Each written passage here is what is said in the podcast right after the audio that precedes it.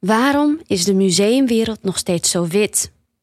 Kun je als theater nog wel concurreren met Netflix? En hoe doorbreken we het Old Boys Network in het toezicht op kunstinstellingen? Eén ding is duidelijk. De Nederlandse culturele sector staat voor grote uitdagingen. Erlenmeyer, vernoemd naar het transparante proefglas, is het laboratorium waar we samen met nieuwe denkers en doeners op zoek gaan naar het antwoord op deze vragen. Want wij zijn van mening dat het debat in de cultuursector nog te vaak door dezelfde mensen gevoerd wordt. En dat we daarmee niet per se vooruitkomen. Vanuit de studio van Dag en Nacht Media in Amsterdam zijn dit Roy Kremers en Naima Boustawi. In de Erlenmeyer podcast staan we samen met een inspirerende gast stil bij urgente thema's. In de komende afleveringen bespreken en bespraken we de thema's culturele diversiteit, innovatie en governance. Dit is aflevering 11 en de tweede aflevering die we samen met Artup maken. Artup wil innovatie in de cultuursector aanjagen door de ontwikkeling en groei van culturele start-ups te stimuleren. Dit voorjaar loopt het eerste incubatorprogramma van Artup en we spraken eerder al met een van de deelnemers hieraan. Vandaag staat innovatie wel centraal en dat doen we met Liesbeth van Zonen. Liesbeth is wat je noemt een powerhouse. Ze is professor in de sociologie en decaan van de Erasmus Graduate School of Social Sciences and the Humanities. Haar onderzoeksterrein ligt op het gebied van big data en data empowerment in steden. Sinds 2016 is zij wetenschappelijk directeur van het Leiden Delft Erasmus Centrum voor Bold Cities. Daarnaast is Lisbeth ook actief in diverse besturen, waaronder dat van de Waag Society en is ze kroonlid bij de Raad voor Cultuur. Maar ze is ook voorzitter van het kennisplatform KlikNL van de topsector creatieve industrie. Lisbeth heeft een brede sociaal en cultureel wetenschappelijke achtergrond en doet onderzoek naar media, populaire cultuur en nieuwe digitale technologieën. Haar specialisme is niet alleen innovatie, ze heeft zich in het verleden ook al gericht op genderstudies en populaire cultuur. Kortom, de ideale kandidaat voor deze aflevering. Welkom Lisbeth. Voordat we de diepte induiken, gaan we eerst even nog uh, luisteren naar uh, een mooi fragment.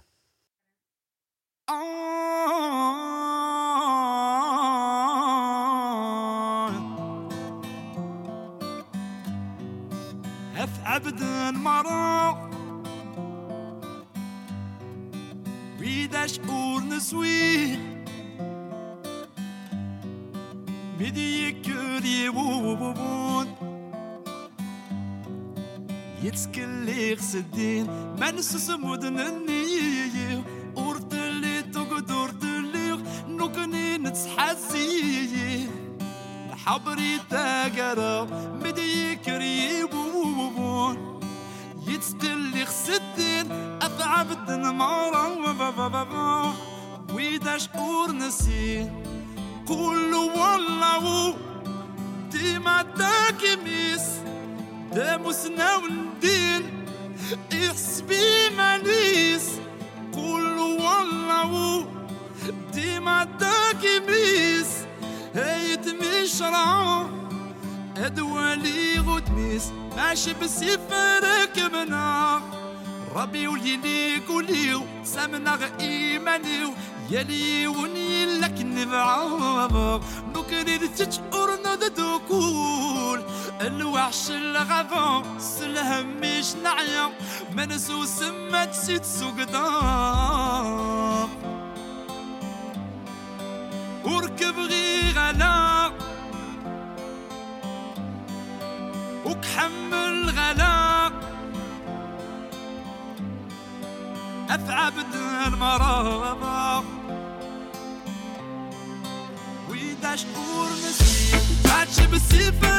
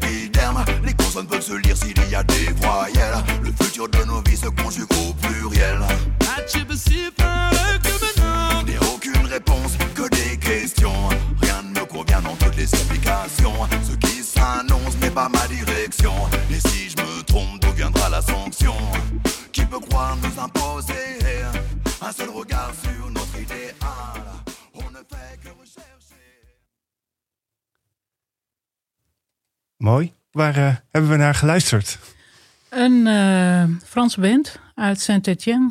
Eh, Dub Inc. heette ze. Mhm. En het was een tip van mijn oudste zoon toen ik eh, in het begin van de coronacrisis zei: Heb je nog leuke, vrolijke muziek? En zij, zij spelen reggae en dancehall, rai, alles een beetje door elkaar. Het is echt een fusion band. En eh, eh, hun meeste liedjes zijn heel swingend. En daar sta je echt gewoon in je kamer mee te dansen als je slecht humeur hebt.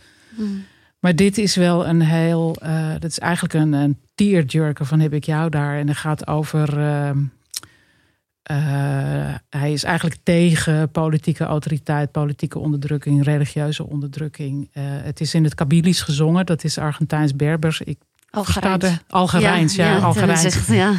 En eh, ik verstond er helemaal niks van. Toen ben ik gaan zoeken wat betekent het. En ik kwam ook allemaal discussies tegen van mensen die zeiden: ik versta er niks van, maar wat is dit prachtig? En het is ja, afgezien van de tekst die ik inmiddels wel begrijp, eh, maar is het ook gewoon schitterende muziek.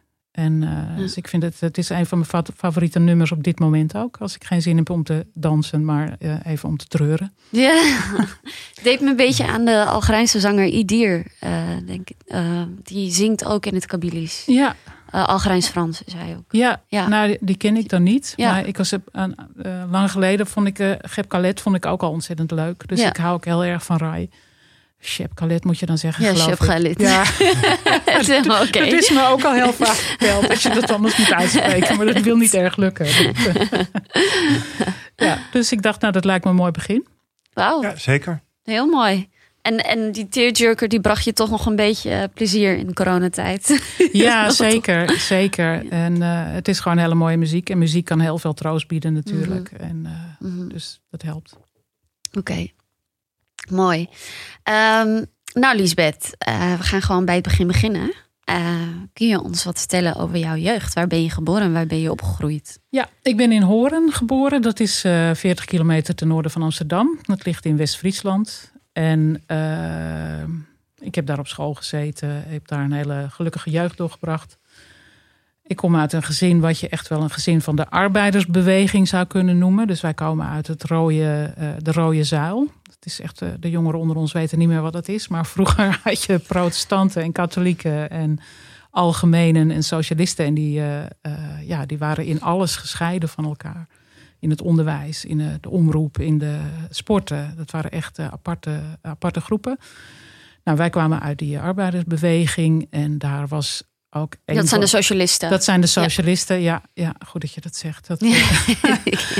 en eh, het grote ideaal, wat zowel mijn opa, mijn overgrootvader, mijn opa en mijn vader altijd hebben nagestreefd, is van arbeidersverheffing. Dus dat je van je eh, armoedige, slechte situatie probeert iets beters te maken door meer te leren, maar ook door eh, cultuur te beoefenen. Dus wij hebben in de familie een lange geschiedenis van amateurtoneel. Mijn vader die was, eh, die speelde in amateurtoneel. Mijn moeder zong in een koor. Eh, later is mijn broer in een bandje gaan spelen. Eh, nou, ik heb nog een blauwe maandag piano gespeeld. Dat is nooit heel goed gelukt. Maar, en een van mijn favoriete herinneringen is wel dat we op vrijdagavond of zaterdagochtend... maar gingen we naar de bibliotheek. Dan mochten we allemaal boeken uitzoeken. En dan hadden we voor de week genoeg. ja, Dus dat zo'n soort gezin was dat eigenlijk.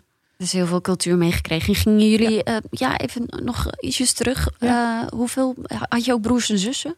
Ik had een broer en ik had een zus. Ah, dus jij bent de jongste? Ja. Ja, ja. Ja. ja. Hoe was dat? Nou, dat is een heel verhaal. Kijk, mijn, eh, mijn, mijn zus, mijn broer is de oudste, is Jaap. Die is inmiddels overleden, maar die speelde in een bandje, zei, zei ik al. Hè? En dit, eh, maar er zat vijf jaar tussen, dat was gewoon te ver. Mijn zus, eh, die had wat we nu syndroom van Down zouden noemen. Eh, en toen zeiden we dat het een Mongooltje was. En ze was ook echt heel erg Mongools. Eh, dus ze kon ook helemaal niks. Mhm. En daar ben ik tot mijn zestiende mee opgegroeid thuis. En, Mhm. en mijn ouders zeiden altijd, ja, dat is, ja, dat is niet normaal. Maar we zijn toch een heel normaal gezin. Ja. Dus we deden daar ook niet heel moeilijk over. En wat het leuke van haar was, is dat zij hield enorm van eh, Radio Veronica. Dat was die Pirata die tijd, hè. Mhm. En dan zat ze eh, voor de geluidsboxen van de radio, zat ze daarnaar te luisteren. En als mijn moeder het ook maar in haar hoofd haalde om klassieke muziek op te gaan zetten, dan stond ze op en dan begon ze echt heel boos te duwen. En dan moest het eh, allemaal weer op Radio Veronica. ja. Dus dat was. Ja. En wat zo- voor muziek werd er gespeeld op Radio Veronica? ja, dat was een popzender. Dat is gewoon pop- dat is popmuziek. gewoon ja, popmuziek. Dus dat Ja. was de top 40. En die zat ik dan op zaterdag altijd mee te schrijven. Hè, van wie er op één stond. En Ja, enzovoort, enzovoort. Daar had je een schriftje voor Ja. ook, mijn generatie. Deden Dus- wij ook nog hoor. Ja, we Echt? hadden meer die, nee, de lijst kwam eh, meer. We hadden wel een lijst. Dus je kon. Ik heb Ja. cassettebandjes opgenomen. Ja, precies, dat Oh, deden ja, wij. Ja, ja, Wij ja, namen je wist wanneer het nummer op. kwam of op teletext. Ja. ook zijn ook wel oud. Dan wachtte je tot de nummer één. Ik Ja, en voelde de, mezelf als dan ging de. DJ er vaak al doorheen praten. En dan was je net zo aan het opnemen. Ja, ja, ja, verschrikkelijk irritant als ja, dan... ja, Ja, ja, ja, ja, ja. ja. Maar goed. Ja, altijd. ja, nou ja, wij zaten ook met z'n allen altijd heel geanimeerd naar Toppop te kijken. Dat is, eh, Dat is Brits, toch? nee, dat was Nee. Nederlands. Oh, nee, Dat ja. was, Wat was die de Britse Top dan? Top of the Pops. Pops, Top of ja, the ja. Pops, ja. ja. Ja, ja. En eh, eh, dat was dan ook wel weer leuk. Want mijn moeder die had daar ook wel zo de favorieten in. Dus die vond Mut en al die, eh, eh, al die glitter en glam rock van die tijd. Dat vond ze geweldig. Leuk. Echt heel geestig. Eh, ja, dus dat zijn allemaal best wel fijne herinneringen. En heel veel boeken hè, thuis. Ja, Heel veel boeken. Ja. En wat, wat werd er gelezen? Want een rood gezin, hè? Dus Ja. dan eh, de- Karl Marx werd aan de ketentafel besproken. en wat waren jullie trotskisten of leninisten?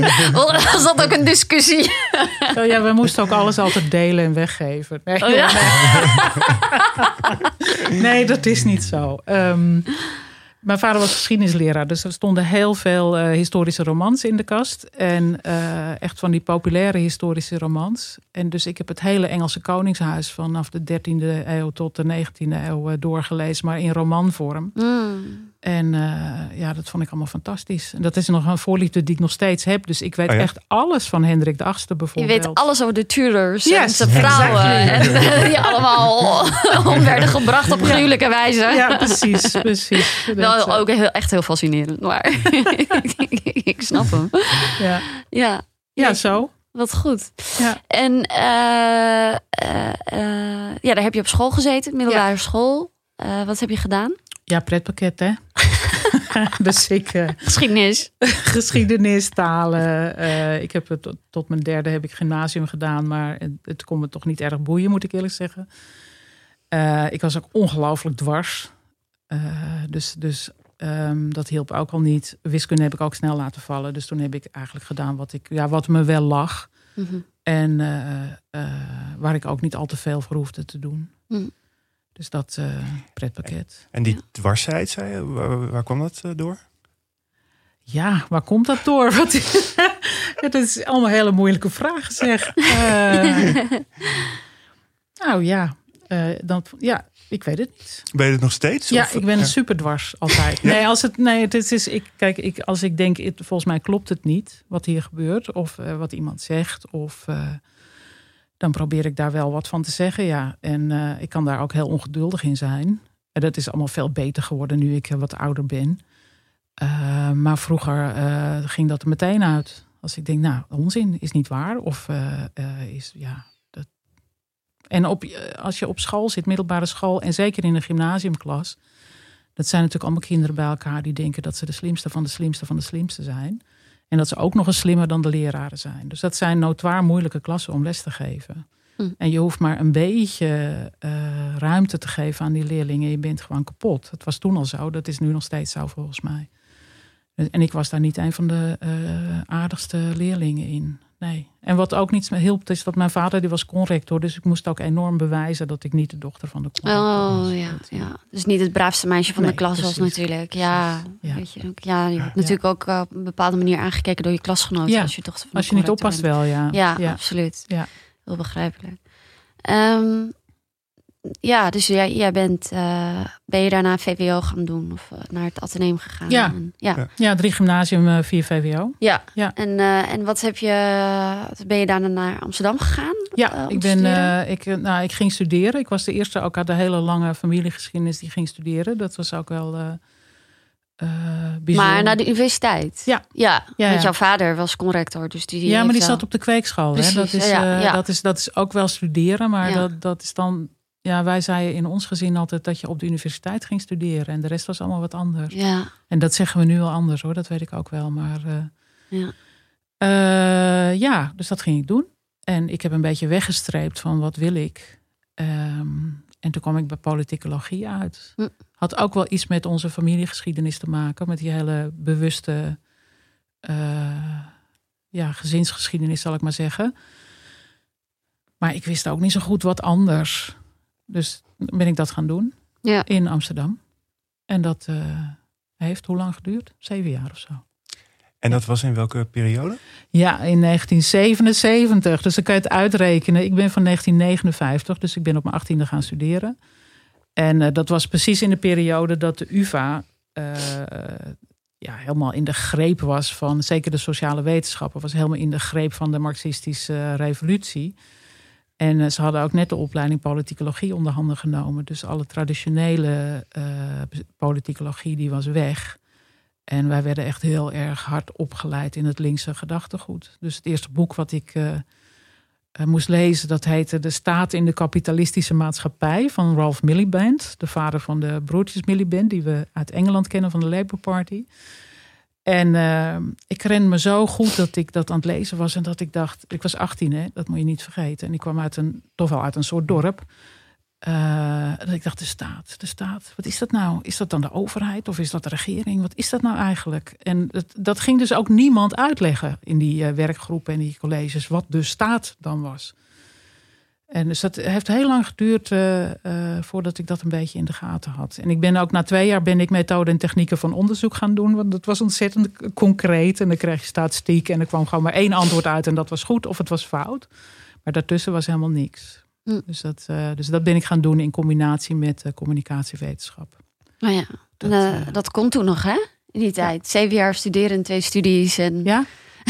Ja, maar er stond zes jaar voor, hè? Echt waar? Ja, voor, ja. Elk, voor één studie? Voor één studie stond zes jaar. Dus twee jaar kandidaat en vier jaar doctoraal. Oh. Dus ik, en ik heb er inderdaad zeven jaar over gedaan. Maar dat was maar één jaar te lang. Ja, ja, ja. Nee, ja, netjes. Ja, keurig toch?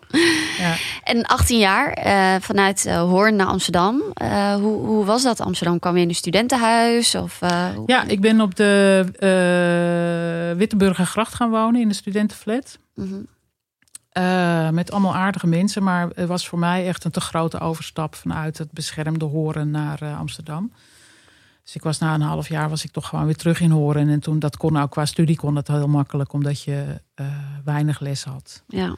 en veel thuis kon doen. En toen heb ik een tijd in Horen zelfstandig gewoond. En op een gegeven moment ben ik toen weer naar Amsterdam gegaan toen ik het een beetje beter gewend was. ja, ja, ja.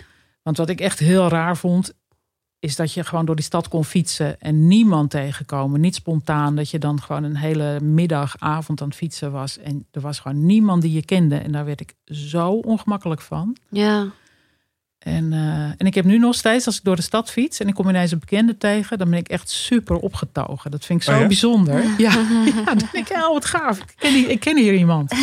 in deze hele grote stad. En je woont hier al heel ik lang. woon hier al heel lang. Maar maakte je eh, vrienden? Ging je naar een studentenvereniging? Wat, wat deed je? Eh, eh, ik ben op een gegeven moment ben ik redacteur van het studentenblad van de politicolo- politicologen geworden. Dat heette Discorsie. Mhm. En dat was best wel een goed blad. Er zaten ook allemaal studenten in die later de journalistiek in zijn gegaan. En eh, was, dat was onwijs leuk om te doen. Want je, je vond natuurlijk, toen, ja, je, had, eh, eh, je snapte de wereld heel goed als 22-jarige. En je had ook alles wel door. En dat schreven we dan op. En we waren ook kritisch. En het werd mooi gelayout. En het was gewoon met een groepje mensen maakte iets samen. En dat vond ik echt, dat vind ik nog steeds het leukste om met mensen samen iets te doen. Mhm. En dat was een belangrijk onderdeel van die studie, ja. Ja, ja. leuk. En je, na zeven jaar studeerde je af. Ja. Eh, wat ging je daarna doen? Ik, eh, nou, ik heb toen heel erg getwijfeld tussen de journalistiek of de wetenschap. Mhm. En ik had toen ook al wat journalistieke projecten gedaan. Dus al- gewoon als een beetje proberen. En eh, ehm, we hadden bijvoorbeeld met de andere, een collega of een collega student van Discorsie, hadden we een hele mooie bijlage voor Vrij Nederland gemaakt. Over het hoofdkwartier van de NAVO in Brunsum. En dat was midden in die kernrakettentijd, hè, dat, je, dat iedereen daartegen was aan, aan de linkerkant. En dat wij zeiden van ja, wij hebben dat, dat hoofdkwartier hier om de hoek. Wat gebeurt daar eigenlijk? En hoe kan het dat die mensen van al die verschillende nationaliteiten het goed met elkaar kunnen vinden? Dus wij hebben onszelf uitgenodigd om daar twee weken door te brengen op dat eh, hoofdkwartier van de NAVO. Afcent heette het. Ik ben even kwijt waar de afkorting voor stond, maar dat is eh, Allied Ja. Forces Central Europe, denk ik. Afcent, ja, dat zal haast wel.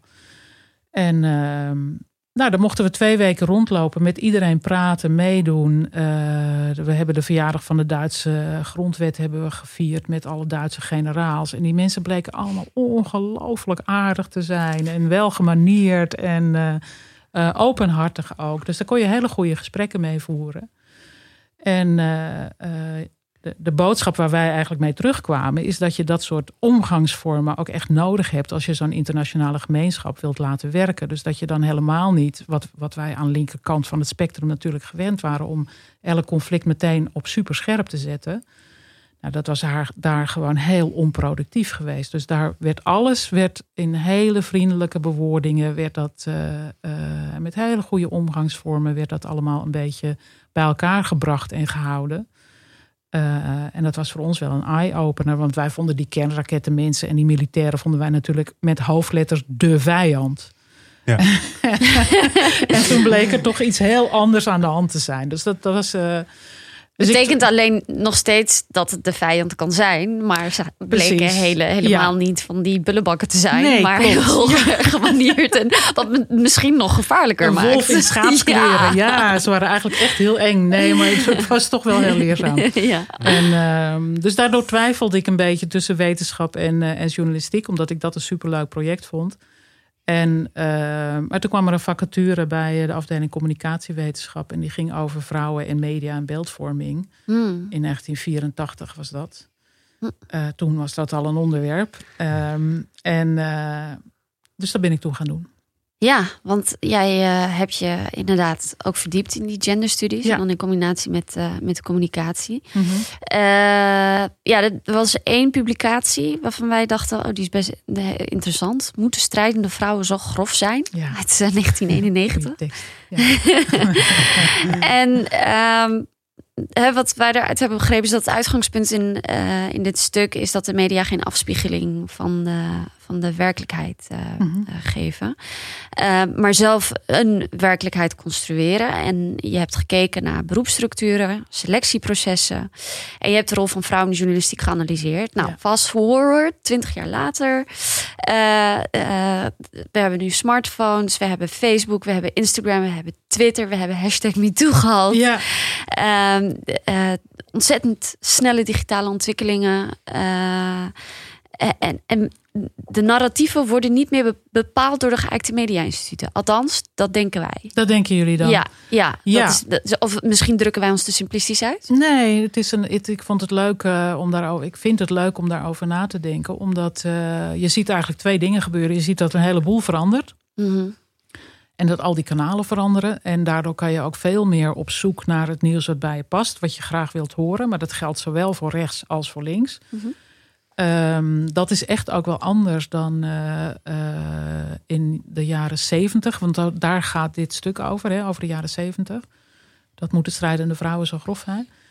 Ehm, en zoiets als MeToo, dat dat zo'n beweging is geworden en, en zo enorm op het netvlies is terechtgekomen. Dat komt ook echt door die sociale media. Want het was natuurlijk in de jaren zeventig ook al een onderwerp. Mhm. Alleen toen kon het veel makkelijker weggezet worden. En toen kreeg je dat sneeuwbaleffect, kreeg je gewoon niet. Maar kwam dat omdat, omdat eh, de mensen die de, de, die grote media-instituten leiden, dat die niet eh, feministisch waren? Of dat die. Nee, dat, dat zit allemaal wel iets ingewikkelder. Want Mhm. eh, kijk, die kanalen veranderen dus heel erg.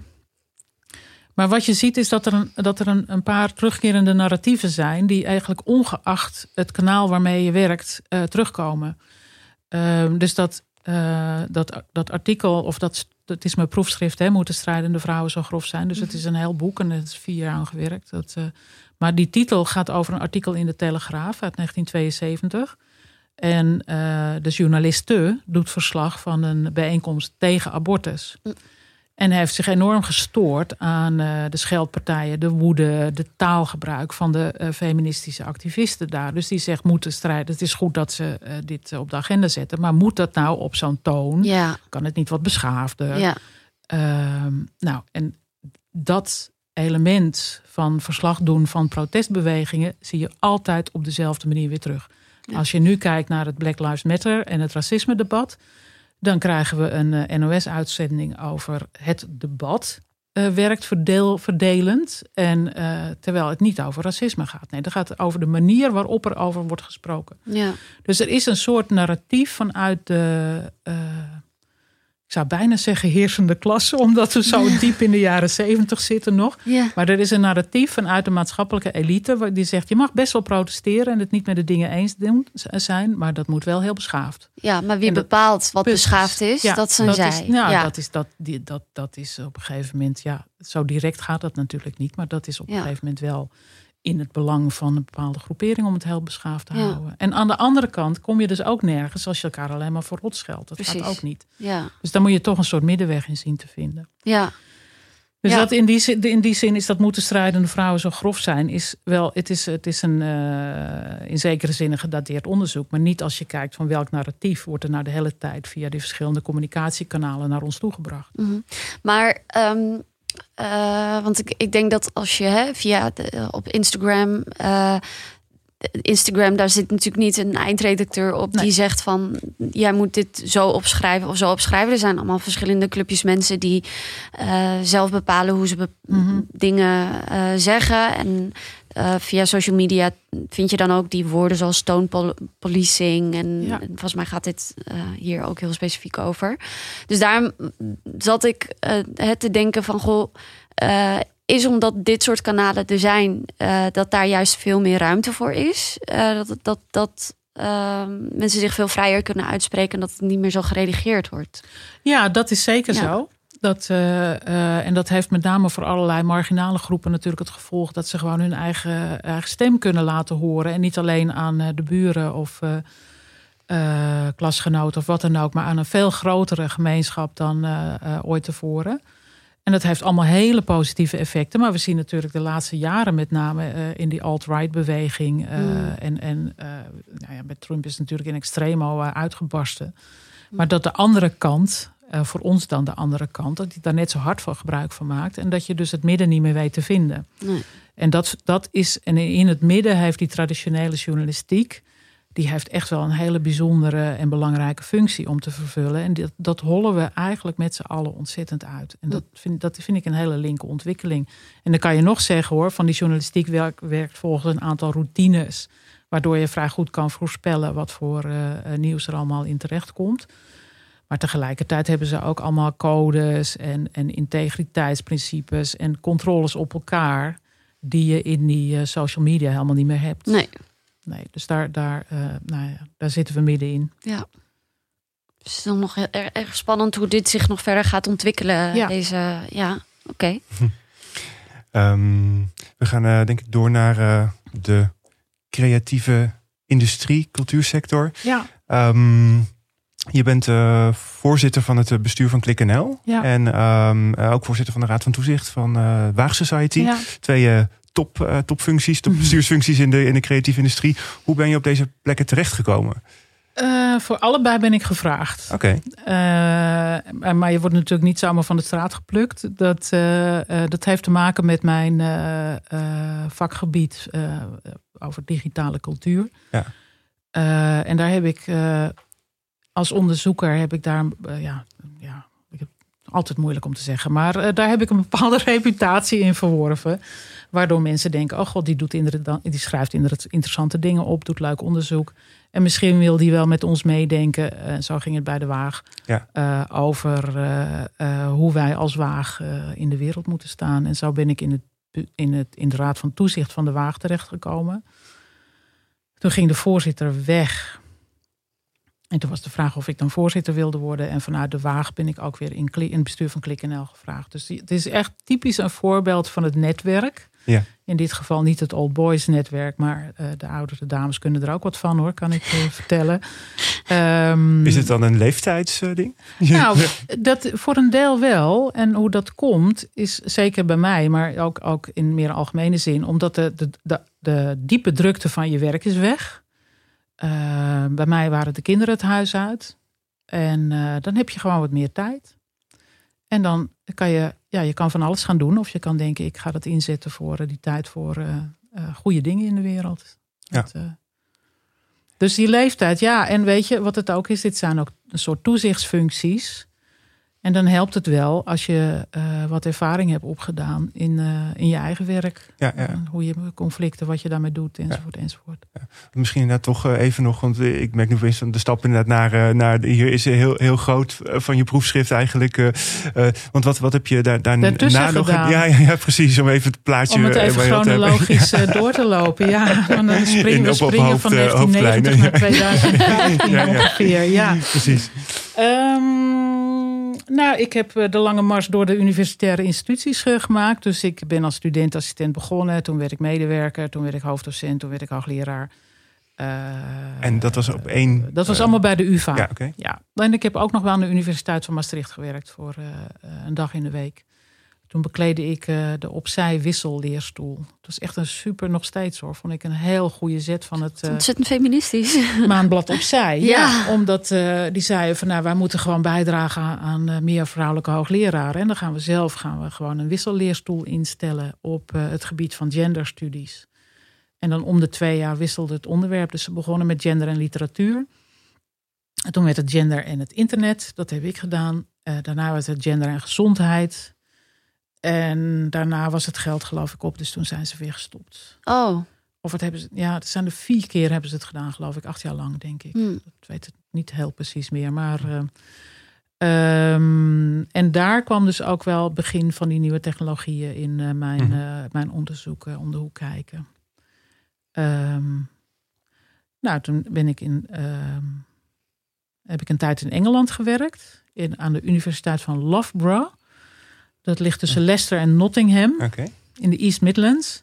Hm. En is vooral beroemd omdat het eh, de belangrijkste sportuniversiteit van, eh, van Engeland is. En maar ze hebben een hele goede mediastudiesafdeling. En daar heb ik eh, zes, zeven jaar gewerkt. Op voorwaarde dat ik mocht forensen tussen Amsterdam en de East Midlands. Oké. Want die, toen waren die jongens nog klein. En, dat, en ik, ja, het- zijn allemaal Amsterdammers in mijn gezin. Dus mijn man en die twee jongens, die krijg ik niet naar zo'n dorp in de East Midlands natuurlijk. dat, dat lukt niet. Dus, die, eh, eh, dus in plaats daarvan eh, heb ik mijn footprint nogal stevig eh, vergroot. Ehm, en ehm, En je ging naar één keer per week? Of hoe, eh, ja, ik ging op maandag ja, ja. heen en dan op woensdag of donderdag terug. En dan ook eigenlijk alleen in het seizoen als ik eh, les moest geven. Ja.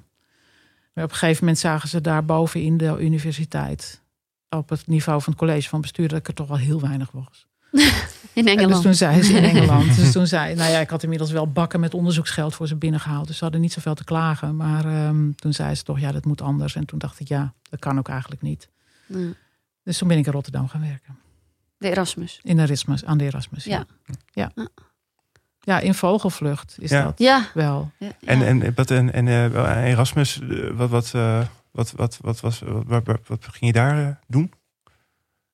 Ehm, nou, dan werd ik dean van die Graduate Ja. School for Social Sciences and Humanities. Dus dat is de opleiding voor de promovendi van, van vijf verschillende faculteiten. En dat is wat ik daar ontzettend leuk aan vind, is dat het alle disciplines zijn, behalve de medici en de economen en de juristen. Maar verder alle andere disciplines zitten erbij. Dus geschiedenis, eh, eh, sociologie, cultuur, media. eh, het hele brede scala van eh, sociale wetenschap en humanities. En dat maakt het ontzettend leuk om te bedenken... wat, wat moet je die promovendi nou meegeven? Ja. Hm. Eh, dus dat doe ik daar. En ik ben tegelijkertijd ook eh, eh, academisch directeur van het Centrum voor Bold Cities. Dus dat gaat over Big Open en Linked Data Cities. En dan kijken we wat die digitale technologieën... en met name die datarevolutie... wat dat betekent voor steden in positieve en negatieve zin. Ja, daar komen we net zo nog even Ja. eh, op, eh, op terug eh, later. Want we gaan even, even terug naar, naar dan de, de, de cultuursector. Je bent ook kroonlid eh, voor de Raad voor, in de Raad voor Cultuur. Ja. Eh, dat is ook, een, ook niet mis. wat, eh, ja, Hoe kom je daar terecht? Of- Nou, nee, nee, nee, dat, dat, dat weet ik al. Dat, nee, nee.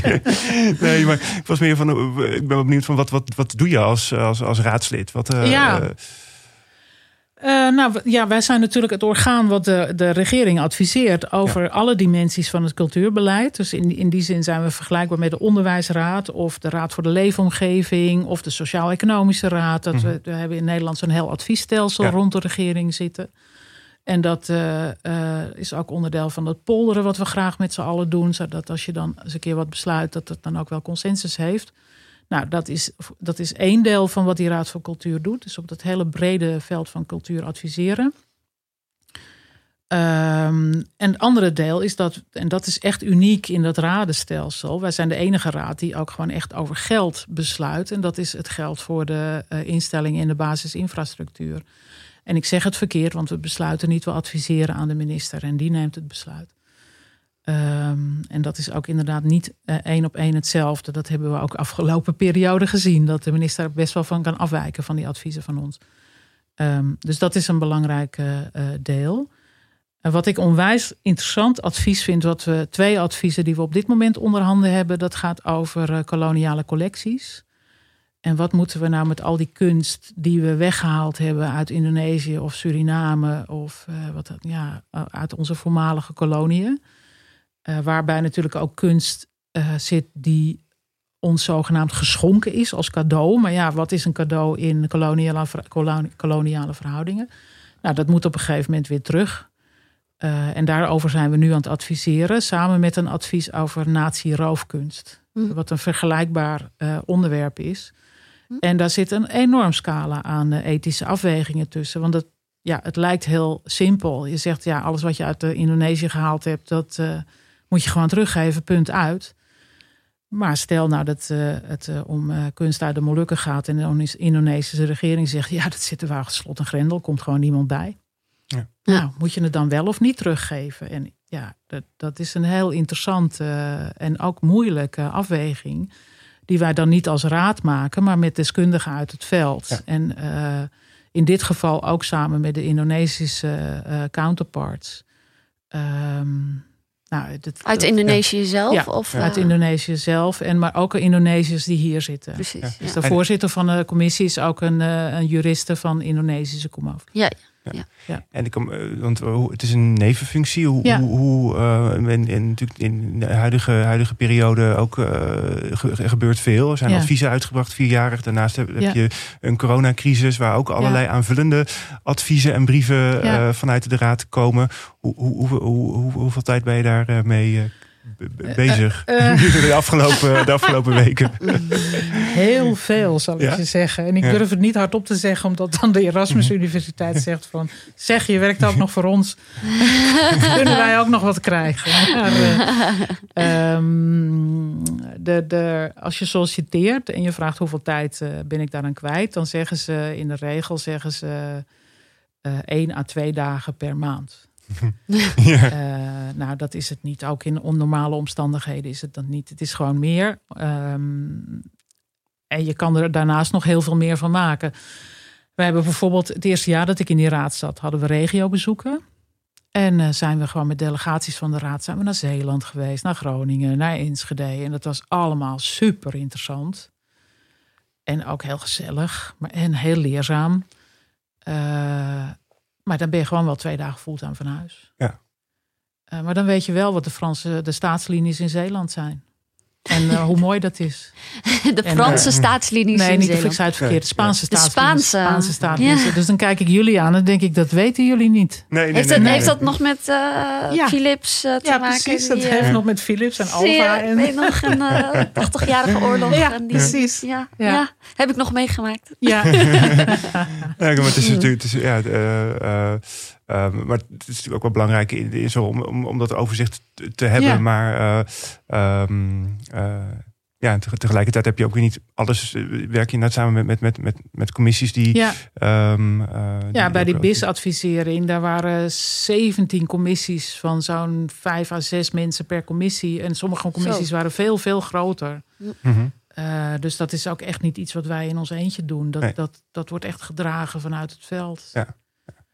En als je dan nu kijkt eh, naar eh, bijvoorbeeld de, de adviezen vierjarig zijn uitgebracht. Ja. Eh, daarvan heeft de, raad gezegd van daarvoor dat, dat die, of die adviezen zijn, of die, die aanvragen zijn van voor corona geweest. De adviezen zijn daarop gebaseerd. Dus eigenlijk gezegd van nou, daar houden we, d- we, we baseren ons besluit op, op de, de aanvragen die er liggen. Mhm. Um, en tegelijkertijd is er natuurlijk ook wel een brief gekomen vanuit, of dat weet dat, eh, tegelijkertijd is er een brief gekomen vanuit de raad waarin eh, de minister eigenlijk, de, wanneer, waar- waarin, waarin de raad aangeeft van, nou ja, er moet, innovatie, er, Ja. moet haast gemaakt worden eigenlijk met innovatie in de, in de Ja. culturele en creatieve sector. Hoe verhoudt dat zich tot elkaar? Ja, dit is een, dat, is, dat was een enorme eh, zoektocht voor ons natuurlijk ook.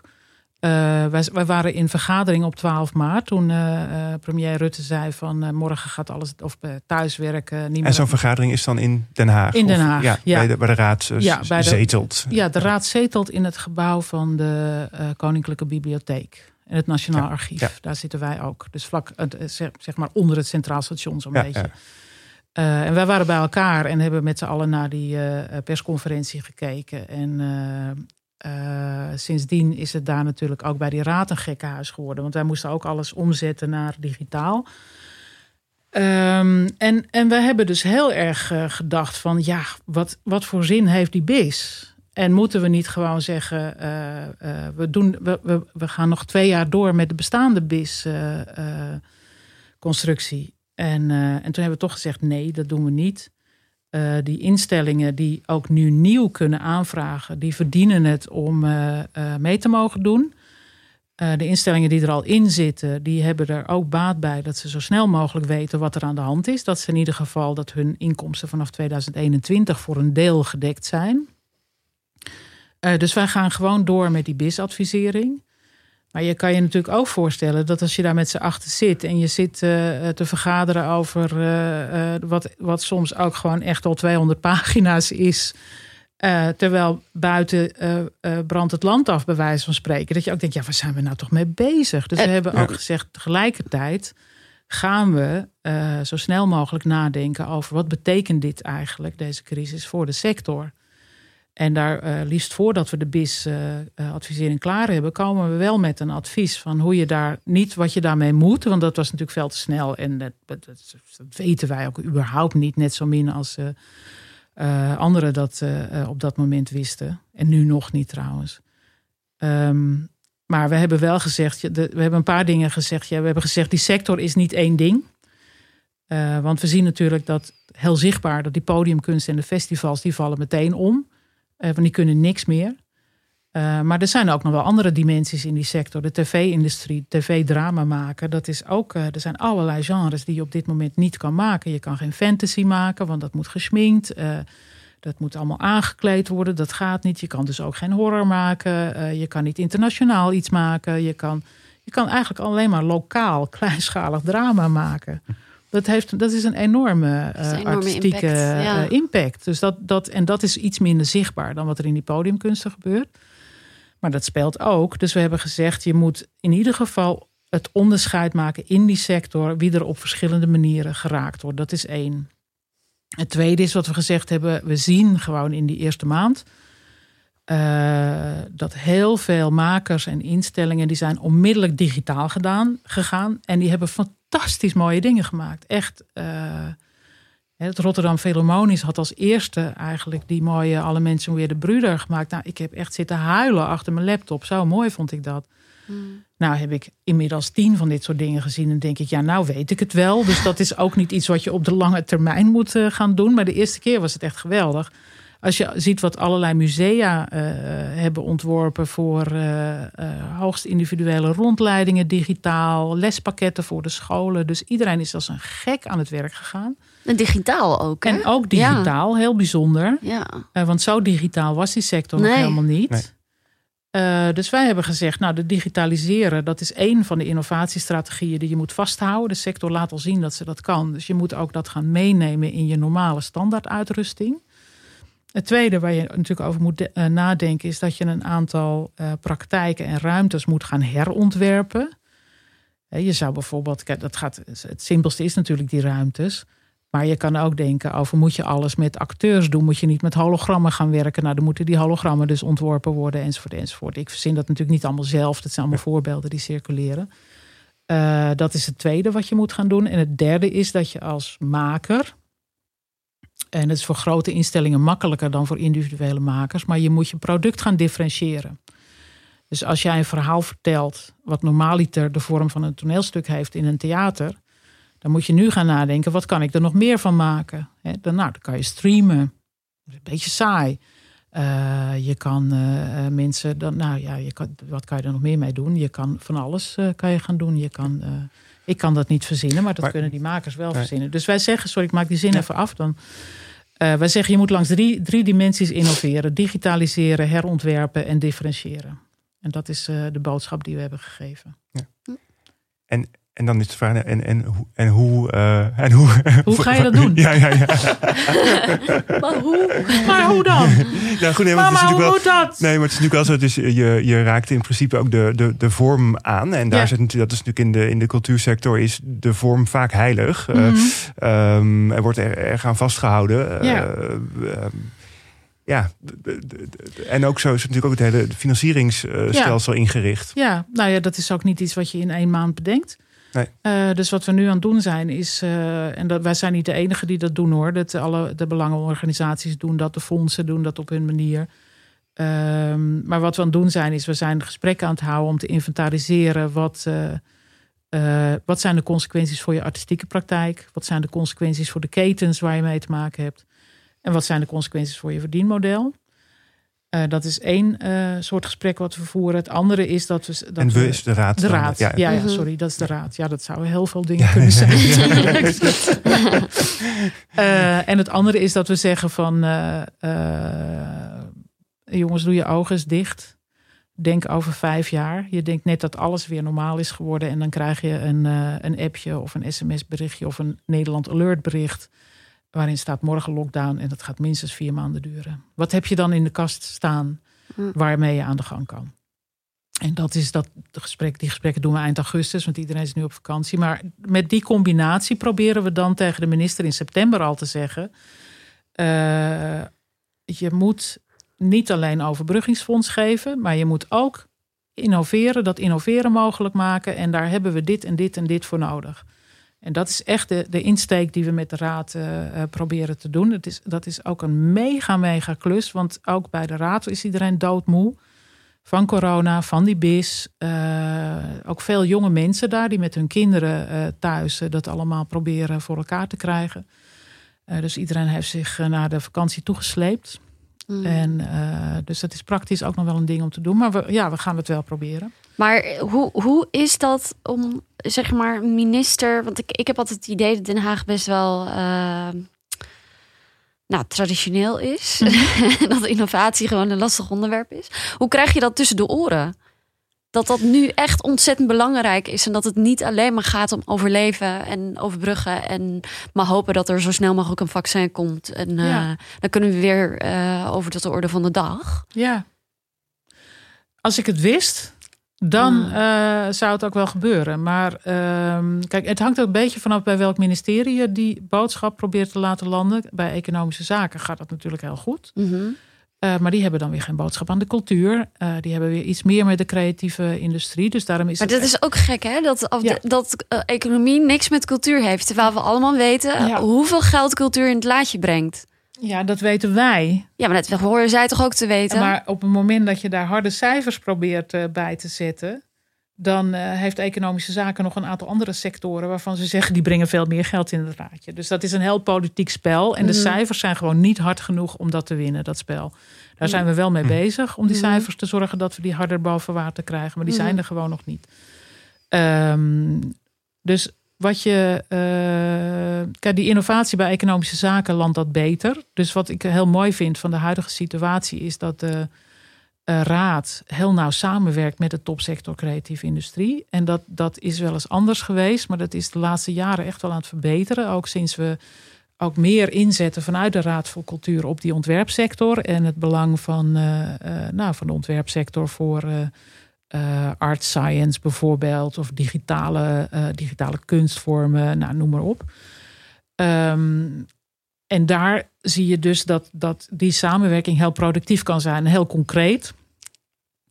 Uh, vanuit de evenementenindustrie is er aan de topsector creatieve industrie gevraagd: help ons met het maken van een field lab voor de evenementenindustrie. Nou, een field lab is eigenlijk een soort experimenteergebied, letterlijk ook een gebied waar je kan uitproberen wat betekent het om een festival op anderhalve meter te hebben. Wat betekent het om een beurs met allemaal, uh, weet ik veel, nieuwe soorten bier of dat op anderhalve meter te hebben. Wat betekent het om uh, de eredivisie op anderhalve meter te doen? Hè? Want die zitten er ook bij bij het evenementenlab. Voetbal.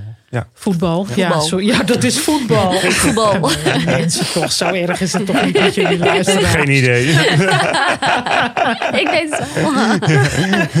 Jij weet het niet. Eredivisie. En de Club van Amsterdam, daar zullen we dan niet over hebben. Maar... Um, um, dus, uh, en ja. dat, dat, dat evenementen Field Lab, dat is vanuit die evenementenindustrie begonnen. Daar zat eigenlijk geen cultuurpoot in. En daarvan hebben wij gezegd vanuit de raad. En dan maakt het, dat maakt het dan dus makkelijker dat ik ook voorzitter van KlikNL ben. Ja, jongens, daar moet ook gewoon een cultuurfestival ja. een kans krijgen om een Field Lab uh, uh, te, te, te maken. En je ziet in die cultuursector overigens ook dat er vanuit de sector zelf ook allerlei initiatieven zijn Mhm. voor Field Labs. Dus dat begint ook wel te lopen. Uh, en op die manier gaan we dan uitproberen van wat kan er wel en wat kan er niet. En dat gaan we er gewoon werkende weg doen. Ja. En dat is de enige manier. En zit een nachtcultuur er ook bij? Nee, nog niet. Ja, maar dat is wel... Ik zou zeggen, dien het in. Die, die leiden enorm. Nachtcultuur. Ja, Ja, dat zou nog wel eens echt... het- uh, want die, die, die, ja, dat is echt schrijnend. Maar kan, wat het, kan, nu- het dan inge, kun je, kan er iets ingediend worden? Of? Ja, de regeling is nog heel erg onduidelijk. Oh, oké. Eh, wat, we, wat, we, waar we als, eh, we- wat we als raad gewoon nog niet weten... is hoeveel geld de minister hiervoor eh, beschikbaar gaat stellen... En, en wat voor kaders ze daarbij heeft. En dat, sorry, dat, zijn dan die verschillende ministeries? Of is dit Nee, specifiek dit is dan OCW? minister- OCW? specifiek Ja, OCW. want voor, ja. dit, voor het, eh, Het Field Lab is... is het Field Lab evenementenindustrie is vanuit drie of vier ministeries inderdaad. Eh, waaronder de OCW, Ja. maar ook economische zaken en gezondheid, dacht ik, en eh, financiën. Maar het kan zijn dat ik dat nou we precies zullen het in, Dat, bij eh, onze show notes Zet het maar zetten. even neer Ja, precies is. En dit is, ook, dit is gewoon een website met informatie over. Dus dat, eh, en daarnaast wil de minister zit dan zelf te denken aan een paar doelgerichte field labs voor, die, eh, eh, voor de cultuurindustrie. Nou, je kan, ehm, je kan je voorstellen dat er iets voor de podiumkunsten komt en iets voor de musea.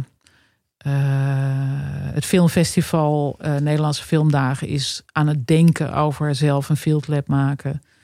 Eh, en, en kijk, en een field lab is eigenlijk gewoon dat je een experiment Ja, doet. proeftuin. Een proeftuin, inderdaad. Dat is een mooie Nederlandse. Maar dat je daar ook onderzoek bij doet. Hè? Dat Ja. je ook gewoon systematisch kijkt wat werkt er wel en wat werkt er niet.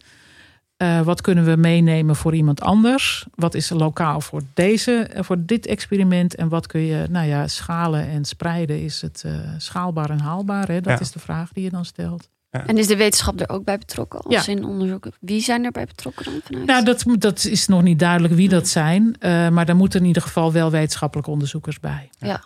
Want jij, jij bent ook verbonden aan dus die eh, hè, eh, Bold Cities. Ja, Zijn, zijn zij betrokken? nee. Bij, bij helemaal niet. Nee. Bij, eh, maar zij, zij gaan ook niet over. Want zij, de, eh, wat ik heb begrepen is dat. Ja, jullie. Jullie, wij, ja. eh, jullie. Jullie zijn- van Bold Cities in dit geval. Jullie van Bold Cities. die zich onder andere bezighouden met dus eh, digitale ontwikkeling, nieuwe media en eh, big data en innovatie en zo. Maar de culturele sector is daar niet, wordt daar niet Nee, want wij gaan heel specifiek over de stedelijke toepassingen. Hmm. Eh, dus daar, daar zit natuurlijk een deel cultuur bij.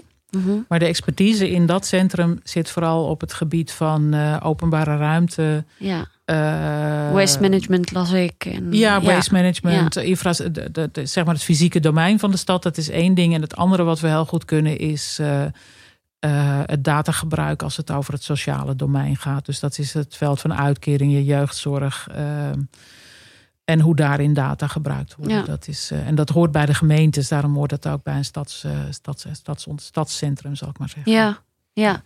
En, Nou, en ik zou ook zo langzamerhand vinden dat dat dan toch wel iets te dicht bij elkaar komt allemaal. Dat ik en in die eh, Ja. de, de en voorzitter van KlikNL en in de Raad voor Cultuur. En dan vervolgens ook mijn eigen onderzoekscentrum erin fietsen. Dat, Ja. Ik bedoel, alle expertise is dan wel wat je wil hebben daar. ja. Maar op een gegeven moment is het toch dat je zegt, nou dat moeten andere mensen doen. Want Ja. in, in dat, eh, nog even dat daar dan op, eh, op aanhakend, want we hadden het net al even net over. Want je, je zegt nu zelf van dan vind ik het iets te, te veel Ja. worden. Hoe, hoe, hoe, eh, hoe, hoe zorg je ervoor dat inderdaad. ehm, eh, hoe, hoe doorbreek je zeg maar, dat, dat, dat, dat netwerk dan? Of hoe, hoe zorg je ervoor dat het niet te veel Ja. netwerk wordt? Ligt dat, Nou, dat puur het bij in je- termen van governance netjes blijft. Precies, ja. Hoe, hoe, Ja, nou, dat, dat, kijk, ten eerste heb je natuurlijk allemaal, het zijn geen eh, individuele functies die je aan elkaar knoopt. Je hebt, eh, ik ben voorzitter van een bestuur met zeven mensen in eh Klik, KlikNL. Eh, en toehoorders van het ministerie. Dus we zitten daar altijd met z'n vijftien aan tafel. En eh, denk maar niet dat ik daar ook maar wat voor idee kan doordrukken. zonder dat het mensen zijn die zeggen van, eh, nou ben ik het niet mee eens. Oh, dat zou ik anders doen, weet je. Dus dat, dat is al één. dat gel- geldt in de raad natuurlijk precies hetzelfde. Daar zitten ook gewoon acht eigenwijze mensen. En het idee dat je daar in je eentje een beslissing kan doordrukken of een advies kan doordrukken. Dat, dat is, dat, die checks en balances zit in de samenstelling. Eh, en daarnaast kan je procedureel een aantal dingen regelen. Eh, die bijvoorbeeld heel erg lijken op eh, hoe dat bij NWO gaat, de Nationale Wetenschapsorganisatie. Als je daar geld aan vraagt, dan word je ook gewoon heel erg afgesloten, letterlijk afgesloten van dingen waar je belangenverstrengeling mee zou kunnen hebben. En dat, zo doen wij dat met de Raad ook. Dat, dus, dat is dus, dus de checks en balances zijn op dat punt echt heel goed geregeld. En ik weet je, ik als een normaal mens denk ik wel eens: God, ik wou dat ik gewoon wat meer macht had in dit geheel. Dat als ik nou zei: zo moet het, dit wil ik, dat het dan ook zo gebeurt. En dat heb ik echt nog nooit meegemaakt. Dat je dat zo voelde. Nou, nee, Dus dat, dat ik het zo lukte. voelde. Oh, dat, maar dat het dat lukt, weet je. lukte. Nee, was, Nee. dat eh, zou echt heel gaaf zijn. Maar nee, dat zou ook niet oké zijn. Want Nee. je moet het gewoon samen doen. Ja. Dat, eh, Het is net ook een soort, eh, ja, eigenlijk een soort, eh, ja, je eigen ethische kompas daarin, maar Ja. ook het. eh, nou ja, je het- eigen eh, ethische kompas. ja. Dat, eh, eh, dat. Maar dat zegt eh, natuurlijk iedereen. Maar ja, maar daarnaast zijn er gewoon op, er eh, zijn op mensen anderen. om je heen Ja. die dat in de gaten houden. En er zijn gewoon procedures die zorgen dat er, eh, eh, dat er eigenlijk niks kan. Nee, maar toch gaat het, toch gaat het af en toe dat je. Ja. en daar, daar denk ik inderdaad dat, dat die, die, het, het zeggen waar je mee bezig bent, het Ja. duidelijk hebben van dit, dit is wie ik Zo ben, waar ik nu. transparant Ja, mogelijk. dat, ja, precies. Dat is ook wat je zeker moet ja. doen. Dat, eh, eh, ja. Nog even terug naar dat innovatieverhaal. Eh, want ik, ik heb, hey, je hebt een enorm goed zicht op eh, de ontwikkelingen op, op dat onderwerp in andere sectoren. Mhm. En eh, je ziet natuurlijk ook wat er in die culturele sector gebeurt. Als je dat met elkaar vergelijkt. en Misschien is dit, is dit een te grote vraag om nu een Mhm. antwoord op te formuleren. maar ik ga het je toch vragen. Is er iets wat de culturele sector nog kan leren? De- Vind je dat zij, dat zij ehm, als sector eh, up-to-date zijn op het gebied van innovatie? Nou verschilt dat natuurlijk binnen de sector ook Ja. enorm. Maar Ja, het verschilt heel erg Ja. binnen de sector. Dus eh we hebben eh, met de raad hebben we een jaar geleden, we hadden op een gegeven moment al die sectoradviezen gemaakt. Hè, van, voor popmuziek, voor de AV-industrie, voor de podiumkunsten, voor het muziektheater. Nou, dat waren er tien of twaalf of zo. En daar hebben we op een gegeven moment eh, gekeken samen van hoe wordt in al die adviezen nou innovatie gedefinieerd. mhm. En nou, dan komt het woord innovatie eigenlijk nauwelijks voor, maar er komt wel heel veel vernieuwing voor. Dus dan kan je, dat is natuurlijk een Mm. semantisch eh, probleem of dat dan hetzelfde is. Maar laten we, dus toen hebben we naar vernieuwing gekeken. En wat je dan eh, met name in de, in de klassieke kunstgenre ziet, is dat, dat vernieuwing altijd artistieke vernieuwing is. En heel zelden technische vernieuwing of heel zelden andere publieksopstellingen of eh, eh, dat gebeurt allemaal wel. Maar het gaat toch heel erg over artistieke vernieuwing. En dan eh, in, in wat wij op dat moment vooral zagen, is over genrevermenging. Dus theater en muziek of klassiek ballet met urban dance. en, en dat, nou, dat is allemaal hele spannende vormen waren dat. Ehm, je ziet daarnaast in die ontwerpsector bijvoorbeeld, waar ook de game-industrie in zit en waar wij heel groot in zijn in Nederland, dat daar de innovatie in technische zin natuurlijk enorm snel gaat. Uh, bij tv zie je dat ook wel, want wij hebben natuurlijk een paar hele grote onafhankelijke producenten die echt voorop hebben gestaan met nieuwe genres ontwikkelen in combinatie met nieuwe technologieën. Dat hele, nou ja, Big Brother, is natuurlijk het fantastische voorbeeld, maar dat hele second screen denken wat daar, uh, daarbij zit. Uh, dat, komt, ja, dat, dat is allemaal door uh, uh, de vrienden in Hilversum bedacht. Um, en wereldwijd en, ook. En wereldwijd ja. ook, ja, inderdaad. Dus daar zie je het. Dus het is, heel, het is een beetje onevenwichtig verdeeld. Um, en je moet elke genre ook wel zijn eigen manier van vernieuwen gunnen. Maar nu met de crisis zie je ineens dat iedereen digitaal kan. En dat ook met groot enthousiasme doet. Alleen de vraag is, wat kan, je hand, wat kan je handhaven voor de lange termijn? En wat is een gadget? En wat past bij je eigen uh, gevoel van kunstenaar zijn? Hè? Want het is uh, podiumkunstenaars, die willen gewoon live een publiek voelen. Nou, dat snap ik ook wel. Tuurlijk, uh, want ja. als ik onderwijs geef via een scherm, dan word ik ook echt heel ongelukkig van. Ik wil die studenten ook bij me ja. hebben. Menselijke contact. Ja, dat geeft een heel andere dynamiek. Heel anders.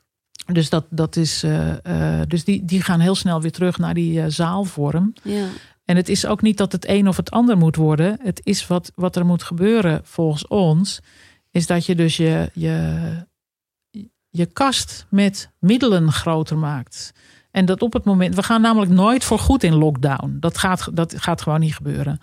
Uh, we gaan misschien wel voorgoed naar anderhalve meter. Dat zou kunnen. Dat zou heel tragisch zijn. Maar goed, dat, uh, dat kan. Um, maar we, laten we eruit gaan, van uitgaan dat we ook niet voor goed in lockdown gaan. Nou, dan heb je dus een situatie waar je moet switchen tussen lockdown, tussen anderhalve meter, tussen alles kan, uh, tussen alles kan een beetje, uh, tussen alles kan wel hier, maar niet daar. En mm -hmm. dus alles kan niet in Amsterdam binnenstad, maar wel in Winterswijk, bij wijze van spreken. En ja, een gezelschap staat toch in de Amsterdam binnenstad. En misschien ook wel een keer in Winterswijk. Dus dan moet je, daar moet je op kunnen schakelen.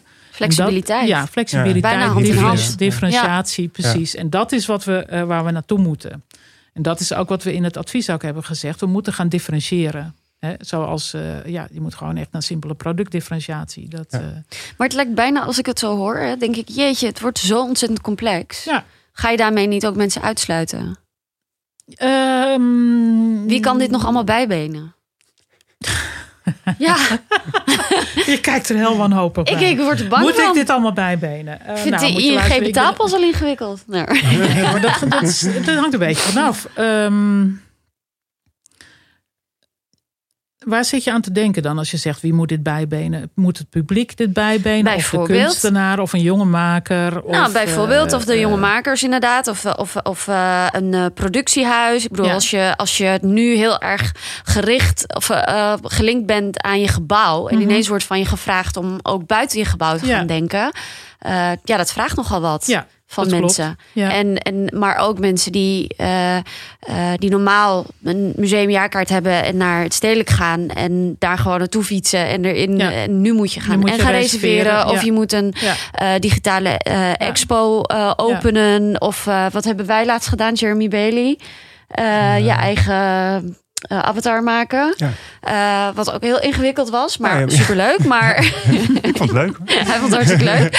Maar uh, de, dat, dat is ook niet voor iedereen weggelegd. Nee. Dus daarmee, je moet wel een soort van taal snappen, kunnen lezen en schrijven. En, en weet je, op een heel hoog niveau. Ik heb het idee dat je, weet je, het, het biedt kansen. Mm -hmm.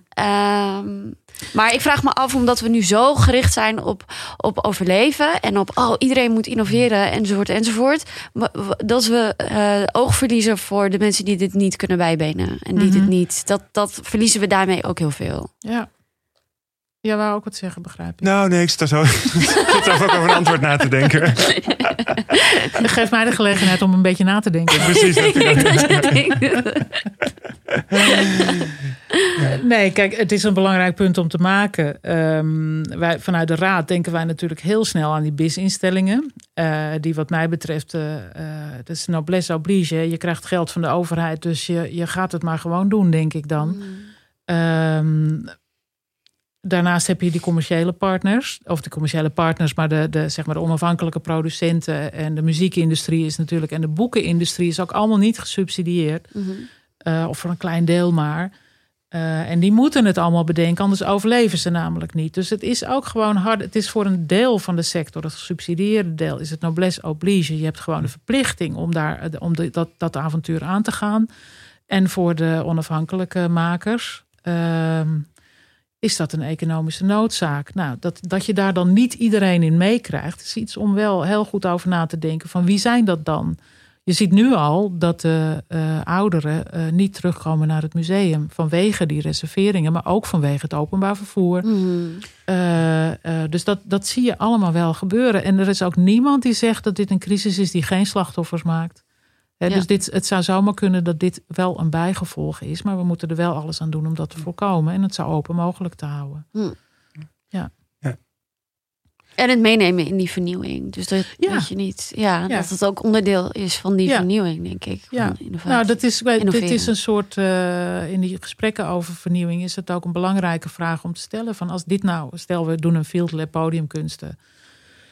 Eh, dat je dan ook vraagt, ja, en als we dit nou allemaal leuk bedacht hebben en getest hebben, wie gaan er dan eigenlijk niet mee? Qua nieuwe makers, qua nieuwe publiek, eh, eh, qua oude makers misschien ook wel. ja. Eh, want dat is, dat, we hebben natuurlijk altijd over nieuwe makers, maar die oude makers Ja, zitten ja, ja, ook in ja, een ja, klem ja, ja, hoor. Dat, eh, eh, Ja. Dus ja. Hoe kijk jij naar eh, de toekomst? Ja. Ehm, eh, het hangt een beetje vanaf in welke rol ik ga zitten. Ik kan, persoonlijk wisselt het per dag.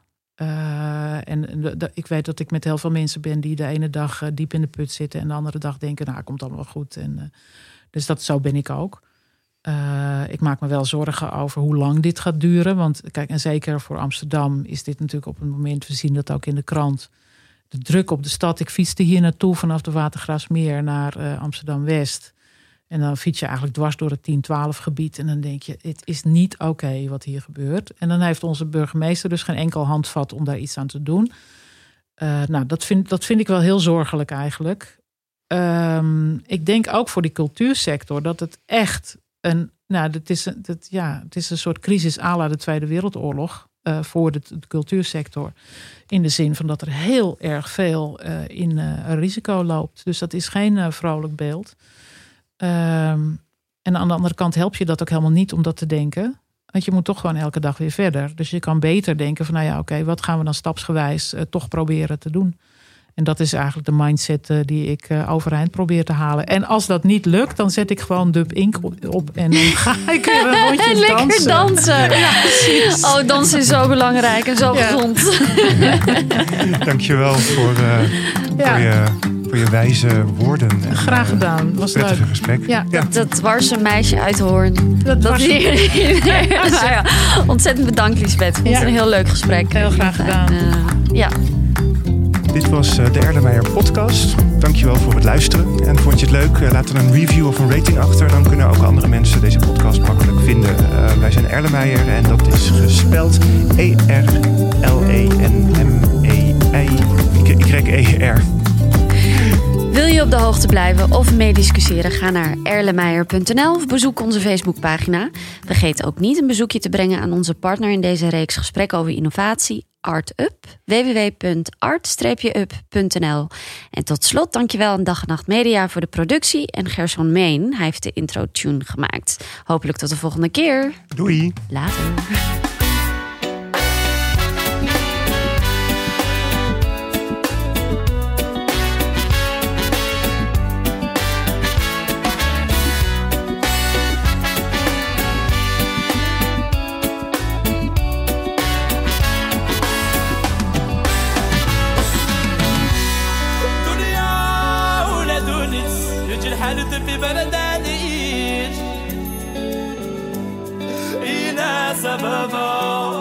دعوة أدري مالي. رجل عادة في بلدي